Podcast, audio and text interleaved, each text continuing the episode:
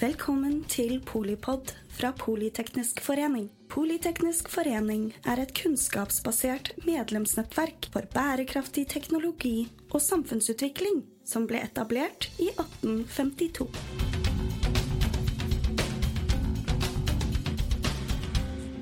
Velkommen til Polipod og en episode om eh, kraften i kommunikasjon, og ikke minst kommunikasjonen i kraft.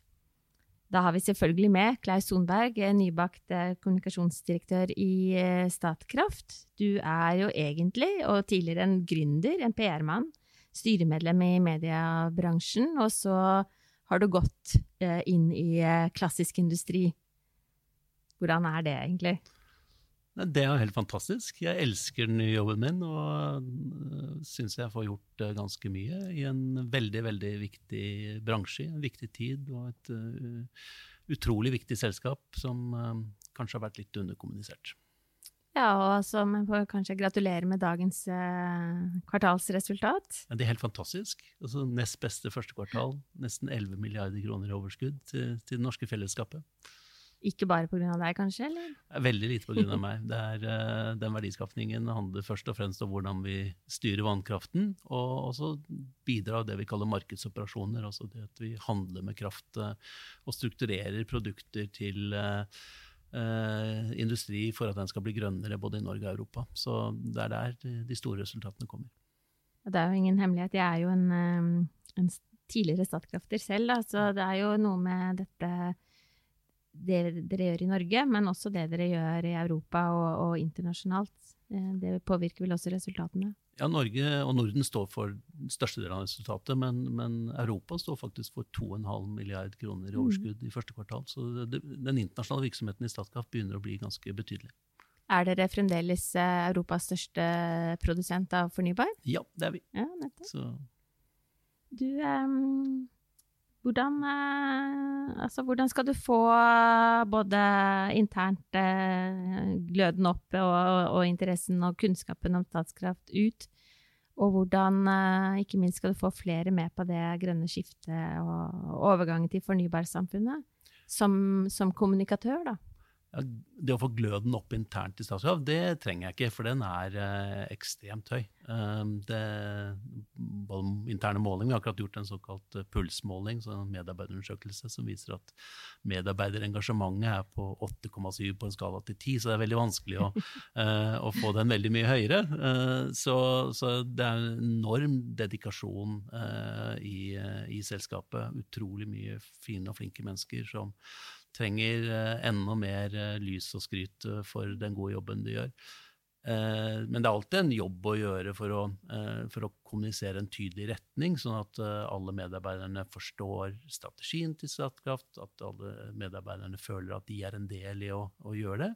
Og så tror jeg vi, hvis det er noen ting Jeg sa det til finansdirektøren i dag, at vi, vi, kan bli enda flinkere til å feire de gode, de gode resultatene og alle gode prestasjoner. Eksternt er det derimot en ganske stor jobb å, å gjøre for å, eh, for å, både gjøre bransjen, behovet for mer fornybar kraft, eh, bedre forstått og akseptert, ha støtte til det eh, både blant myndigheter og, og ikke minst befolkningen. Og at man skjønner Statkraft sin rolle og, og eh, strategi, og at man har en, en, bred støtte i befolkningen og blant politiske myndigheter rundt den rollen vi har, og, og den verdiskapningen vi bidrar med. Ja, for det er jo en del andre ting som tar oppmerksomheten da, i energimarkedene, enten det er krig eller det er eh, kriser og, og, priser, ikke minst.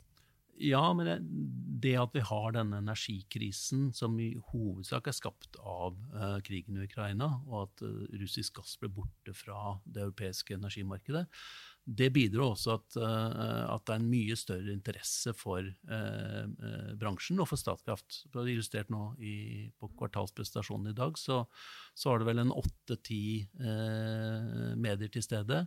For to år siden var det kanskje to-tre og bare bransjemedier. Nå var E24 der, Dagens Næringsliv der, Nettavisen der. Eh, fjerde kvartal så var eh, NRK Dagsrevyen der. Så, så, den oppmerksomheten eh, det gir, det gir jo en kjempemulighet til å få formidlet hvordan vi tenker og de verdiene vi skaper. Men som jeg alltid også sier internt, så, så kommer det også da mer kritiske blikk på oss. Og det er litt ubehagelig, eh, men i det lange løp så tror jeg at en fri og uavhengig presse eh, faktisk også eh, bidrar ikke til demokrati, bare demokrati, men det bidrar til bedre selskaper. For når vi gjør noe galt og vi får kritisk søkelys på det, så, så gir det en mulighet til, og ekstra trykk da, til å, å, forbedre seg. Det forplikter jo også, selvfølgelig, det, det gode resultatet. Og, og, det forplikter det, det, det samfunnsoppdraget selskapet har, da. Men men det er jo en uh, klassisk, eh, skal si, uh, industri, som jeg sier. Men så kommer du med Du har vært i mange industrier. Du har hjulpet uh, bredt. kanskje også vært mer på kundesiden enn det et oppstrømsselskap vanligvis liksom har befattet seg med. Da. Så hvordan, hvordan kommer du inn og, og bygger, hjelper til å bygge tillit med din bakgrunn?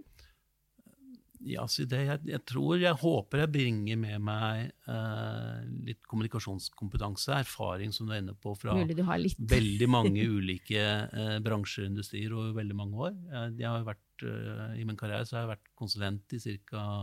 25 år, og så satt jeg tre år i konsernledelsen i, i SAS.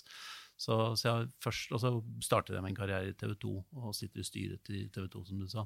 Så jeg, jeg håper at jeg bringer med meg erfaring både fra ulike bransjer og, og en kommunikasjonskompetanse som, som, kan være nyttig. Um, og så har jeg jo uh, blitt noen år, da, så jeg, jeg har liksom, eh, både erfaringer, men også liksom tryggheten til å kunne gjøre endringer der jeg tenker at det er, eh, er, hensiktsmessig. Og det gjelder både på kommunikasjonsfaget, men jeg synes som gode kommunikasjonsavdelinger de jobber ikke bare med kommunikasjon, de er også flinke til å fange opp forventninger i omgivelsene og formidle det inn og påvirke selskapet i, i riktig retning.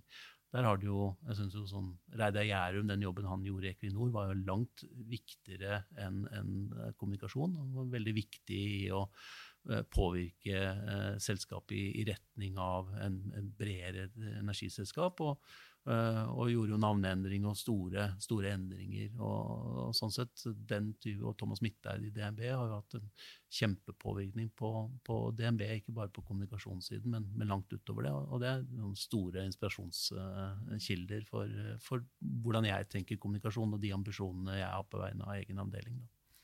Ja, det, du har også to ører og én munn, ikke sant? Og det er ekstremt viktig. Mm. Altså jeg, jeg, holdt et, uh, en trening for, uh, for compliance-avdelingen i, uh, i, Statkraft i går om, mm. om, kommunikasjon. Og en av slidene mine er nettopp det. Ikke bare har vi mm, to ører og én munn, så man må lytte mer enn vi snakker. Og kommunikasjon handler mye mer om mm. kanskje det å lytte og forstå og god dømmekraft enn det å være en veldig god retoriker. Eh, eh, men, men, jeg snakker også om at det ikke bare handler om lytte og, og, og, og snakke, men man, liksom, man, må føle rommet. Da. Man må mm. virkelig bruke alle sansene. Og, det gjelder både internt og eksternt. Så, så jeg håper at uh, avdelingen min og jeg er, er, gode lyttere, men også flinke til å, til å, fange opp signaler både internt og eksternt, og, og evner å formidle det inn til Kristian uh, som konsernsjef, og, og, de andre som sitter i konsernledelsen, som uh, tar beslutningene. Ja, og til eh, Det er jo et uh, fantastisk uh, selskap, uh, mangeslungent. Altså man selger elektroner, på en måte, men, men det er jo en fantastisk organisasjon og en, en, stor bredde da, i, i, i små, lokale kraftverk, på en måte, til de store energibørsene og til, til internasjonal helt sånn Hva heter det Emerging Altså Greenfield, hva heter det på norsk? Altså nye, nye prosjekter og nye markeder, ja. ja. ja, ja har, og du er helt riktig. Altså, jeg har en læringskurve som er helt sjuk. Og jo mer jeg lærer, jo, jo mer inspirerende syns jeg ja, det er. Uh, og det, det, er et selskap som kanskje først og fremst er forbundet med norsk vannkraft, men som, som vokser voldsomt uh, på andre teknologier, både i Norge og, uh, og i, um, internasjonalt. Og da er det først og fremst Europa vi vokser. Og som Kristian pleier å si det, altså konsernsjefen, så vi, vi skal altså bygge et nytt kraftverk hver niende dag. fra 2025. så 40 kraftverk, først og fremst sol- og vindkraftverk, noe batterier, i Europa. Og det er ikke mange norske selskaper som har den veksttakten og den industrialiseringen av det å bygge ut fornybar energi, og det er faktisk ikke mange selskaper i verden som, som har denne. Og det var denne reisen jeg eh, skjønte at det kunne være gøy å være med på, da, mm. og, og, som jeg syns er utrolig inspirerende. Har du fått deg noe favoritteknologi, da? Ja, altså, først og fremst så syns jeg energisystemet er utrolig fascinerende. Og jeg, jeg, er på ingen måte ekspert på det ennå, men det har vi i Statkraft. Veldig gode folk som skjønner det. Men når jeg ser hvor intelligent dette energisystemet er, eh, og hvor vanskelig det er å få formidlet til omverdenen. For, for, det blir veldig ofte sånn i, for, for, den norske befolkningen nå, og norske bedrifter som nå lider under veldig høye eh, energipriser og strømpriser så, så, er det veldig vanskelig å få formidlet at, at, systemet i seg selv faktisk er ganske intelligent. Uh, det Systemet er basert sånn at, at kraften flyter dit uh, hvor det er mest uh, etterspørsel, altså hvor behovet er størst. Der er også prisene høyest. Og så er fokus bare på prisene, men, men i et sånn bærekraft- og samfunnsøkonomisk perspektiv så er det faktisk ganske viktig at, at kraften brukes der det er mest nytte for den. Og, og Statkraft sin hovedjobb er jo å, å, forvalte den vannkraften og den annen kraften som vi produserer i Norge og internasjonalt, på en best mulig måte. De at, og det, det, er ikke sånn at vi, vi, I Norge så har vi trodd at vi, det er mer enn nok strøm, mer enn nok kraft, mer enn nok energi. Men det er, det er, og det har vi kanskje begynt å erkjenne, at det er et knapt gode. Og da er det viktig at vi bruker den på, uh, på best mulig vis. Og da, da er energisystemet i Europa veldig intelligent skrudd sammen. Og så har vel den blitt utsatt for en enormt stress pga. Eh, krigen i Ukraina. Eh, 40 av liksom, eh, kraften med, med, russisk gass er borte. Og så har Europa klart å erstatte den på under et år, eller litt over et år. Eh, som jo er helt fantastisk eh, i seg selv. Men, men, det har også gjort at eh, mange folk lider og ikke klarer å, sliter med å betale strømregninger. Mange bedrifter sliter. Og da blir det eh, en politisk diskusjon, og sånn skal det være, eh, rundt eh, er dette det riktige systemet. Og så syns jeg at både norske og, og, europeiske politikere virker å ha vært veldig sånn, kloke da, på å også holde fast på at, at systemet i seg selv eh, har vi bra med seg. Og så kan det hende at det må gjøres noen justeringer, men det, det får være opp til politikerne. Ja, Og så trengs det vel mer eh Uh, uansett. Og så er det litt forskjellig type men, uh, egenskaper da, ved de ulike teknologiene som systemet også må ivareta. Type hvor fleksibel de, den ulike energikilden er, osv. I hvert fall når den skal erstatte baseload-kapasitet som gass. da. Ja, og, og, så, og sånn, så svaret på det spørsmålet om hva er favoritteknologien, så er, er systemet ja. det som har fascinert meg mest, og som jeg har lært mest av. Men, og dette virker liksom politisk korrekt å si fra, fra Statkraft, men, men, faktisk så fascinerer vannkraft meg ja, ja. utrolig. Og eh, ja, før jeg startet i Statskraft, så, så, tenkte jeg at det er ganske sånn enkel eh, teknologi, ganske sånn gammeldags og eh, noe vi egentlig bare tar for gitt. Men når du, når du ser hvilken fantastisk ressurs det er, og hvordan Norge har forvaltet den ressursen. Jeg kjørte ned fra Hemsedal på, på, lørdag morgen, og da hadde jeg gått topptur sånn 17. mai, 18. mai, 19. mai, og hørt liksom vårsmeltningen under skiene. Og så kjørte jeg liksom syv om morgenen, skulle ned og møte sommeren på Hvasser. Så, så, så, bare ser du liksom eh, eh, elven nedover Hallingdalen, og du ser vannet flommer og kommer ut i Krøderen, og der ligger liksom tømmerstokken og flyter. Og du bare vet hvilken enorm ressurs dette er eh, til å produsere energi. Helt rent og helt fornybar. Og så kommer det som regn og snø og smelter igjen, og den der sirkelen der da blir jeg eh, veldig nasjonalromantisk og så utrolig glad for jobben min. da.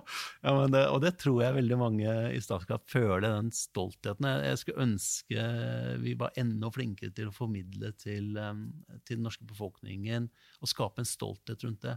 Det, det, finnes, som Jeg har jobba mye med Hydro i, som konsulent. og Det finnes en stolthet liksom, vannkraftens betydning for industrialiseringen av Norge. Og så er det litt sånn nasjonalromantisk. Og så er det masse stolthet, i hvert fall i deler av befolkningen, rundt hva vi fikk til på olje og gass. Men, men vannkraften er her for å bli, og den blir bare enda viktigere. Etter hvert som liksom, vi bytter ut eh, gass og kull og eh, ikke-fornybare ressurser i Europa med grønne ressurser, så er det først og fremst sol og vind. Men de produserer jo bare når det er sol, eh, eller når det blåser. Og når det ikke gjør det, så må vi ha såkalt balansekraft da, og, og fleksibel kraft. Og der, der, er vannkraften utrolig viktig. Så verdien av, av norsk vannkraft, både i et sånn klimaperspektiv, men også økonomisk, kommer til å bli enda viktigere. For jo mer sånn uregularbar vind- og solkraft vi kommer, jo viktigere blir vannet. For når det ikke, og da kan vi produsere vannkraften når det ikke blåser og når det ikke er sol. Og så får vi enda bedre betalt for det. Og så er vi en enorm ressurs til norsk og europeisk eh, både forbrukere og, og, og bedrifter. Så, så, den historien der, den, eh, den, kommer vi til å gjøre eh, en jobb med å prøve å få formidlet mm. på en, en, enda bedre måte. Ja, for det er jo ikke bare regulerbar altså, Det er mye elvekraft i Europa, men, men det er jo den batterikapasiteten som de store magasinene, vannmagasinene også utgjør, da, også som beredskapsmessig. Ja. Jeg, jeg, visste jo ikke at Statkraft har 374 vannkraftverk, og at på kraftsentralen så Arild Tande og hans team, da, som leder der, som er bare fantastiske ja. mennesker, og hvor sofistikerte de er i analysene sine, hvor de, de, de skjønner markedet, de skjønner vær, Kristian fortalte eh, på kvartalspresentasjonen i dag at eh, vi har de mest avanserte digitale, automatiserte væranalysesystemene og er bedre enn noe annet selskap. Så, så vi klarer å vi klarer å optimalisere når vi skal produsere de ulike typer eh, vannkraftverkene, eh, eh, basert på vannverdi, som det heter. Og, og, bare, og, det høres enkelt ut, men det er veldig veldig sofistikert og digitalisert systemer. Og tung, tung kompetanse som gjør at vi bruker den fine vannkraften vår mest mulig optimalt vi bruker kraften når den er mest bruk for den. Da får vi også den mest betalt for den. Eh, og de pengene investerer vi enten i fornybar kraft eller betaler skatt eller utbytte til norske staten. Eh, så herregud, jeg har så bra jobb. ja, det er veldig bra. Sjukt. ja, det er herlig. Ja, nei, det er jo et, og det blir ikke noe mindre fremover. Og det blir jo ikke noe Altså selv eh, selv eh, Det er mye mer å hente fra de samme ressursene eh, også, og det blir ikke noe mindre behov. Det er stor diskusjon i landet hvem skal få kraften, og hva skal vi bruke den mm. til, og hva skal eksporteres, og, Så det blir jo bare en viktigere og viktigere jobb eh, fremover, tenker jeg. da. Og det, det er jo en utfordring. altså Pga. klimaendringene og klimamålene så må vi bytte ut uh, ikke-fornybar energi med fornybar energi, så vi må bygge ut mye av det. Det har blitt forsert pga. Eh, krigen i Ukraina, bortfallet av, gass. Og så skal jo samfunnet uh, elektrifiseres. Uh, både transportsektoren, som vi er godt i gang med på personbilmarkedet og varebilmarkedet i Norge, men tungtrafikk og andre ting. Og så er det masse bedrifter og ikke minst tung industri som skal, skal gå til, til mer fornybar kraft. Og vi ønsker å bygge opp ny grønn industri for å eh, erstatte den viktige olje- og gassindustrien i Norge, som jo er, skal fases ut. Eh, og, og, det skaper jo eh, en enorm etterspørsel, sannsynligvis. Og så eh, får vi se hvor stor den etterspørselen er, og det vil jo sannsynligvis også avhengig av hvor dyr blir eh, prisen. Så, så, ting henger sammen. da. Eh, og, og kommer egentlig veldig tilbake til tilbud og etterspørsel som en ganske viktig driver mm. for å forstå uh, dette markedet og dette systemet. Vi har en, en um, veldig fin sånn studentgjeng i uh, Politeknisk forening, da, PF Next. Mm. Uh, de smarteste folkene, ikke sant, i sånn starten på 20-åra, da. og, og hva vil du si er liksom Hvorfor skal de jobbe med fornybar energi? For det første så er det teknologisk veldig spennende uh, ulike teknologier. Uh, uh, for det andre så tror jeg digitaliseringen kommer til å uh, bli ganske fremtredende i denne bransjen også. Det har kanskje ligget litt bak en del andre bransjer, selv om Statkraft er kommet langt på, på både automatisering av kraftverkene og hvordan vi bruker uh, kunstig intelligens og, og, digitalisering i disse markedsoperasjonene og handelsoperasjonene våre. Så, så, jeg tror det er en høyteknologisk, veldig spennende utvikling. Uh, for det andre så er det jo et selskap som er enda viktigere enn det jeg tror folk skjønner. Uh, vi ble jo klart her for noen måneder siden at Statkraft sin eh, såkalt enterprise value, altså hvis vi hadde vært på børs, da, hva, hva hadde verdien vært? Og 314 milliarder kroner. altså Vi er like store som DNB, Norges nest største selskap.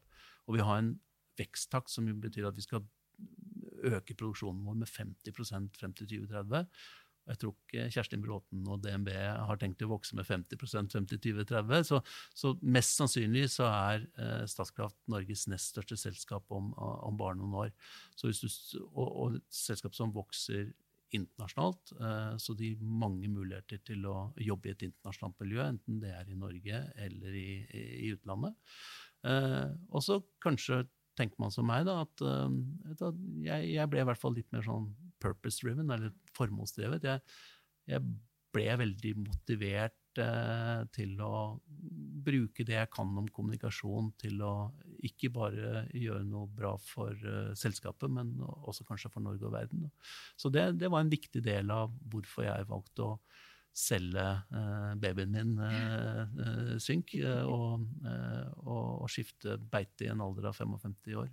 og jeg har ikke sett meg tilbake og ikke angret. Du har vel blitt myndig synk da, underveis? Ja, eller? og det er det aller deiligste. å se at, at, de klarer seg så mm. utrolig bra også uten meg. Og det skulle bare mangle. Så Hva er den største forskjellen da, på å kommunisere som konsulent og, for, og kanskje mer i den liksom Eh, konsument... Eh, kan du si reklameenden, og, ja. og være veldig eh, industriell, da. Ja, nå var, Synk var veldig lite reklamete. Ja. Så selv om det var et slags PR-byrå eller strategisk kommunikasjonsbyrå, så jobbet vi veldig lite med konsumentmerkevarer og den type ting.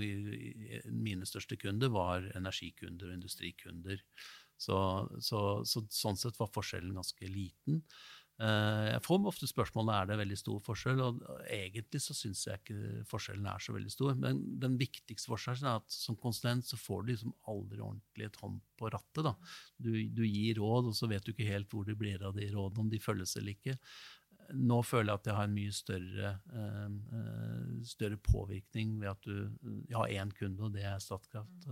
Og og, og, jeg opplever også at uh, man, det er enklere å se eh, hvor rådene blir av, enten de legges vekk eller de uh, etterleves. og så, ja, man må også ta et større ansvar når man, er, når, man er, ansatt et sted, for, for helheten. du blir ikke mer forsiktig da? Ikke jeg, nei. nei ja, det er så deilig at uh, slippe å være forsiktig. Og det, det, har jeg sagt til meg selv, at jeg, dette er ikke en jobb jeg har tenkt å ta og som tenker at nå skal jeg, nå har jeg fått jobb i staten og mm. en uh, fornybar bransje som kommer til å vokse, så er det en helt trygg jobb, og så, og så, blir jeg veldig forsiktig. Nei, jeg er mye mer en type som har lyst til å gjøre en forskjell. Um, og så får det bære eller briste. Uh, og alle mine ideer og initiativer blir sikkert ikke etterfulgt, men, men, det skal ikke stå på forsøkene. i hvert fall. Det er et godt godt motto. Og det skal ikke stå på deg. Eh, hva har jeg og andre å lære da, hvordan vi bygger eh, tillit, rett og slett? Litt sånn kommunikasjonsfaglig. Jeg skulle ønske jeg hadde svaret på det. Fordi, og dette er noe jeg tenker veldig mye på uh, om dagen. Vi, vi, holder på å lage en ny kommunikasjonsstrategi i Statkraft. Og vi har gjort veldig mange undersøkelser og sett på mange datapunkter både internt og, og eksternt. Og det blir bare tydeligere og tydeligere for meg hvor viktig tillit kommer til å være fremover. Eh, det er et stort selskap med store vekstambisjoner som eies av norske fellesskapet. Eh, vi må forvalte den tilliten på en best mulig måte. Ehm, det er en bransje, og fornybar kraft det, det, tar dessverre mye areal. Enten du skal bygge vindkraft, som det har vært mye motstand på i, i Norge og internasjonalt, solkraftverk. Da snakker du om mange fotballbaner med solcellepaneler. Eh, skal gjøre oppgraderinger av vannkraften, så er det ganske skånsomt. Det skjer stort sett inni, eh, inni fjellet. Skal du bygge batterifabrikker, så, så, tar det mye areal og mye strøm. Og du trenger nettlinjer for å, for å, eh, for å få plass til det. Og, skal, og selv til havs så kommer du i potensielt konflikt med andre interesser, enten det er fiskeriinteresser, fugletrekk, dyr som bor på havbunnen, eller som eh, fisk som, som gyter. Så, så, vi kommer til å komme i vanskelige dilemmaer, og vi kommer til å komme i konflikt eh, med andre interesser. Enten det er eh, lokalbefolkning, eh, som får en vindmølle eller en solcellepark i, i nærheten. Eh, natur fordi eh, du legger beslag på områder der det bor dyr eller planter. Eh, eller urbefolkning, som vi bl.a. ser på Fosen, og som vi, vi har utfordring med i, eh, i, i, Chile, som det har vært mye medieoppmerksomhet på. Og da tenker jeg at det selskapet som har høyest tillit, de får det ikke enkelt, men de får det kanskje litt enklere Eh, enn en andre selskaper i å avveie disse dilemmaene og ha en dialog med alle disse interessentene. Hvis vi over bordet eh, stoler på hverandre og skjønner at vi har gode intensjoner, så tror jeg transaksjonskostnadene eh, ved høy tillit vil være eh, lavere. Altså, og, og, da må vi jobbe med å bygge den tilliten. Og Det er jo fryktelig enkelt å sitte her på en podkast og, og, snakke om, og så er det mye vanskeligere å, å gjøre i praksis. Men jeg, jeg, når jeg, dette liksom ble tydelig for meg, da, så, så, brukte jeg påsken på å skumme en del bøker om, om tillit. Og det, det, er jo en del eh, forskning og research rundt det. Og, og noen av, av komponentene, da, noen av de som må på plass, er har du gode intensjoner? ja, et statlig norsk fornybarselskap som eh, opptrer jevnt over veldig ansvarlig, har gode intensjoner. Eh, det handler om å holde løfter. Uh, så, så gjør vi det vi sier vi skal gjøre. forklarer vi avvikene. Og da er vi over på kanskje det vanskeligste, som alle snakker om åpenhet og transparens. Og det, men, men jeg, jeg, tror og har lyst til å påvirke Statkraft i retning av å sette noen, noen nye standarder på åpenhet og transparens. Og det også, eh, og dette er mer sånn tanker jeg har, og ting jeg tester ut eh, og, og sammen med det flotte teamet mitt og, og ledelsen i Statkraft. Men, men, jeg tror virkelig på at det ligger et eller annet her. Eh, det er ikke bare fordi det kommer EU-direktiver om eh, om rapporteringsplikt, liksom? Nei, jeg tror rapportering er viktig, men, mm. men det finnes mange andre grader av åpenhet og, mm. og transparens. Og, og jevnt over så, så, tror jeg de aller fleste norske virksomheter er det. Men, men du kommer som kommunikasjonsdirektør i vanskelige avveininger. Vi hadde jo senest nå, uh, og la oss dette være et eksempel på åpenhet, da. Uh, uh, senest nå med disse bonusene i handelsvirksomheten våre hvor de ble veldig høye. Og, og vi var åpne om det. Vi, vi, kommuniserte, vi rapporterte på det. Det skulle bare mangle. Vi kommuniserte på pressekonferansen. Eh, det var ikke noe selvfølge. Eh, og vi fikk mye kritikk. Men så valgte vi i den vanskelige avveiningen å ikke være åpne på hvor høye de var, hvordan strukturen er, fordi vi sto i dette vanskelige dilemmaet mellom skal vi være åpne om det og bygge tillit, eh, eller skal vi risikere at konkurrentene våre rekrutterer de viktigste og beste traderne våre?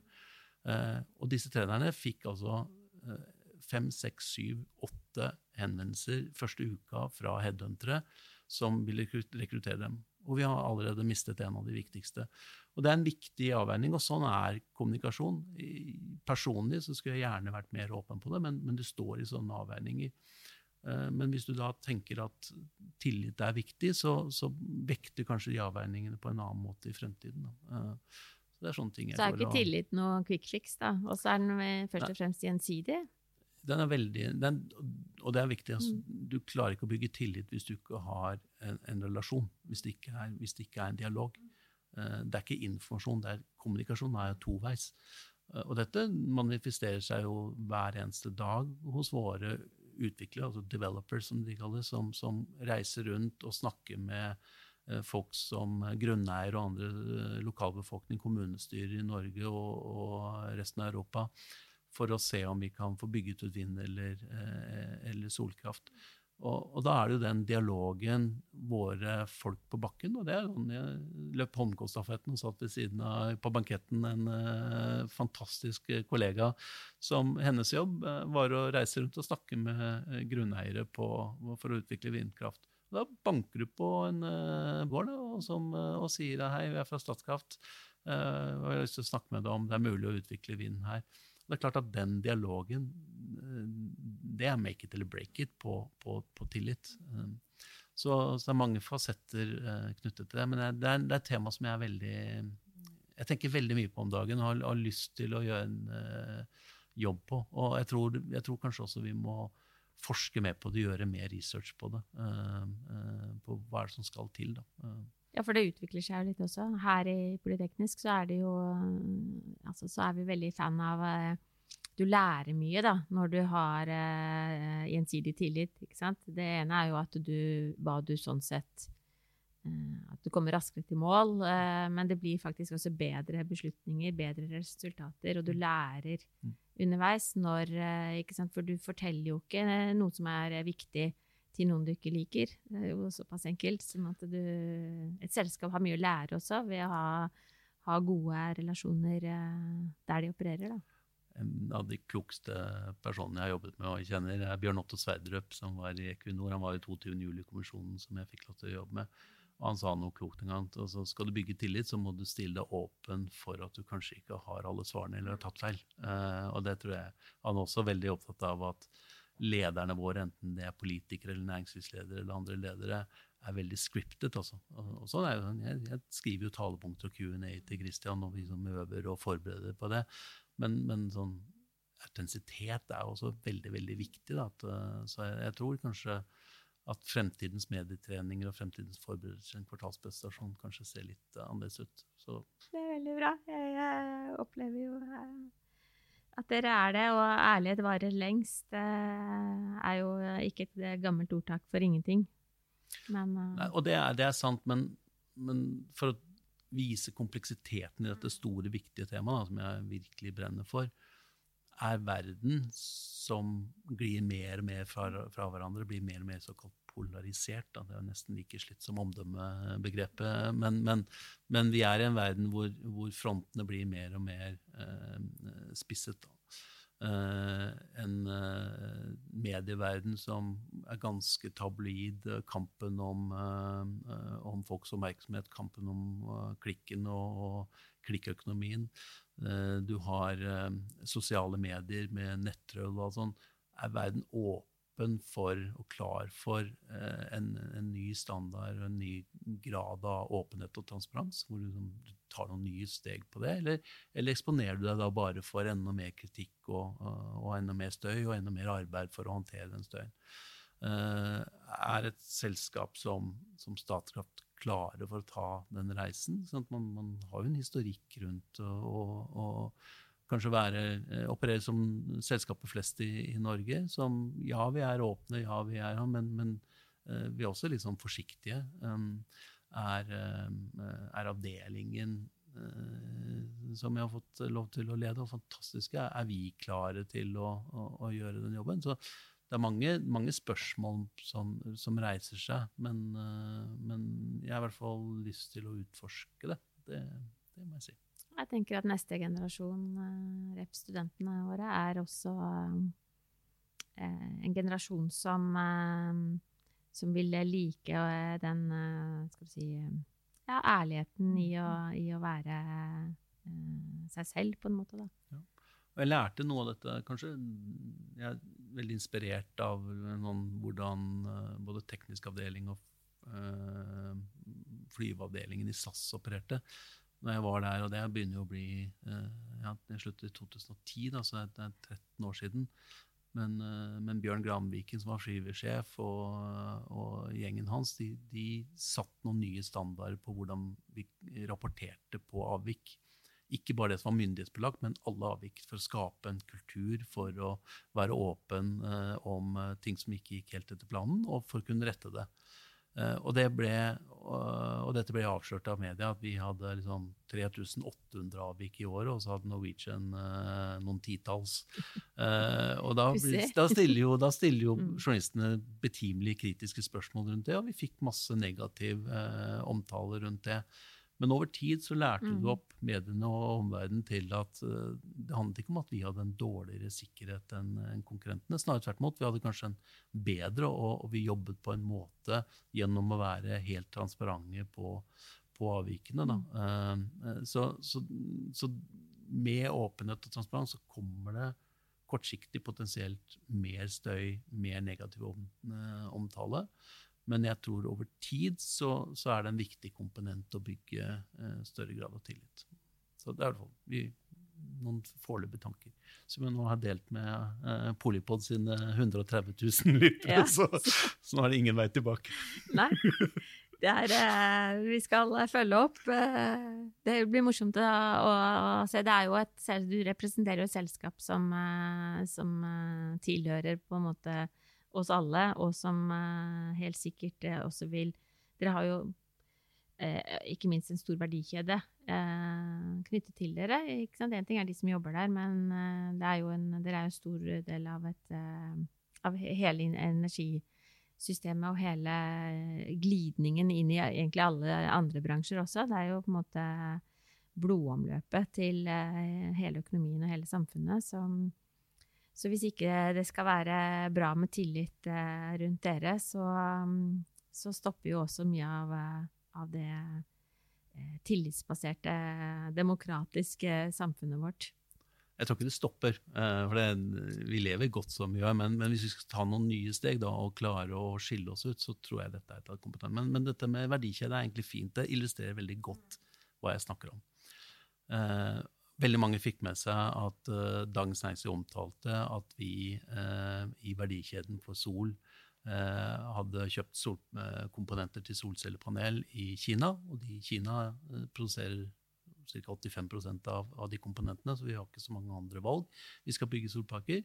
Og så hadde våre interne undersøkelser avdekket at uh, vi kunne ikke garantere at det ikke var uh, foregått brudd på menneskerettighetene og tvangsarbeid i, i, i kinesiske delen av, av verdikjeden. Uh, åpenhetsloven i Norge er jo en fin oppfinnelse, så da spurte Dagens Næringsliv oss om hvordan det sto til. Og vi valgte å være åpne på, på, det, og det må du under loven, men vi gikk kanskje enda lenger enn det vi trengte, og være, være helt transparente på at uh, våre interne undersøkelser gjorde at vi ikke kunne utelukke at det foregått tvangsarbeid i, uh, i, den verdikjeden. I et selskap som vi kjøpte, Solar Century, for, for noen år siden. Uh, og, og, det ble det jo en del medieoppmerksomhet og støy om, og det ble spørsmål i Stortinget, og sånn skal det fungere. Men, men vi hadde en sånn evaluering av, av den prosjektet her, eller den saken her for en uke siden. Og i bærekraftsgjengen, altså de fagmiljøene i bærekraft, så hadde vi fått veldig mye positive tilbakemeldinger fra, fra, folk, som, um, fra folk, som, jobber med bærekraft, og, og, mener vi hadde gjort den beste praksis gjennom den åpenhet og transparensen vi hadde vist, og måten vi hadde håndtert det på. Mens andre hadde jo kolleger kommer og sier at uh, de har jo ikke snakket om annet rundt middagsbordene de siste, de siste ukene, og, og stiller spørsmål om det var nødvendig å være sånn. Og det er akkurat dette dilemmaet jeg jeg er inne på. Da. Jeg tror det kan komme mer negativ omtale på kort sikt, og så tror jeg på lengre sikt at det er tillitbyggende gjennom å være, uh, være åpne og transparente på alle de krevende dilemmaene uh, vi står overfor, og som vi kommer til å måtte stå overfor. Uh, Uh, og så er ikke dette noe som kommer til å skje i morgen eller i løpet av 2023. Uh, hvis vi går denne veien, da, så, så, kommer det til å ta noen år. Men, men det er i hvert fall som sagt uh, en tematikk jeg jobber mye med om dagen. Det tar lang tid å bygge opp og kort tid å rive ned? Ja, men jo høyere tillit du har, jo raskere går det å, å, å gjenopprette den. Og tilgivelsens makt er ganske stor, spesielt i denne delen av verden. Så, så, så hvis du da er åpen på at du har gjort feil, og, og blir trodd på at du eh, har tenkt å rette det opp og, og mener alvor, så, så, så, tror jeg ikke vi skal være så redd for det. Altså, det er Derfor er jeg ikke så glad i dette omdømmebegrepet, for det, det misforstår som å være godt likt. Uh, jeg, derfor er jeg, mye, jeg er mye mer glad i, i tillitsbegrepet. Uh, tillit og respekt tror jeg er, mye viktigere enn en liksom misforstått uh, best mulig likt. Det, vi har klart i PR-bransjen å ødelegge omdømmebegrepet. Kanskje det. På svensk er det et fint ord, forresten. Eh, det betyr dømmekraft. Eh, ja. Og det er kanskje ikke noe dårlig utgangspunkt eh, hvis du skal bygge, bygge tillit. Ha god dømmekraft.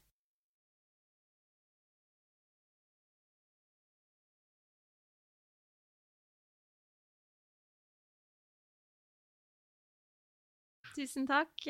Du er fersk kommunikasjonsdirektør i Statkraft og har en uh, nyttig, vil jeg si, uh, mediebakgrunn med deg inn der. Um, tusen takk også til deg som hører på uh, Polipod. da har du lært litt mer om, om kraftbransjen, og ikke minst litt om hvordan du bygger tillit, kanskje også i den jobben du har, som kan være alt mulig annet enn energi, men som på en eller annen måte har med energi å gjøre. Tusen takk, Klaus. Takk for meg. Takk for at du lyttet til Polipod fra Politeknisk forening. Få med deg flere episoder, eller bli med på nettverksmøtene, som du finner ved å søke at polyteknisk, eller gå på vår hjemmeside polyteknisk.no.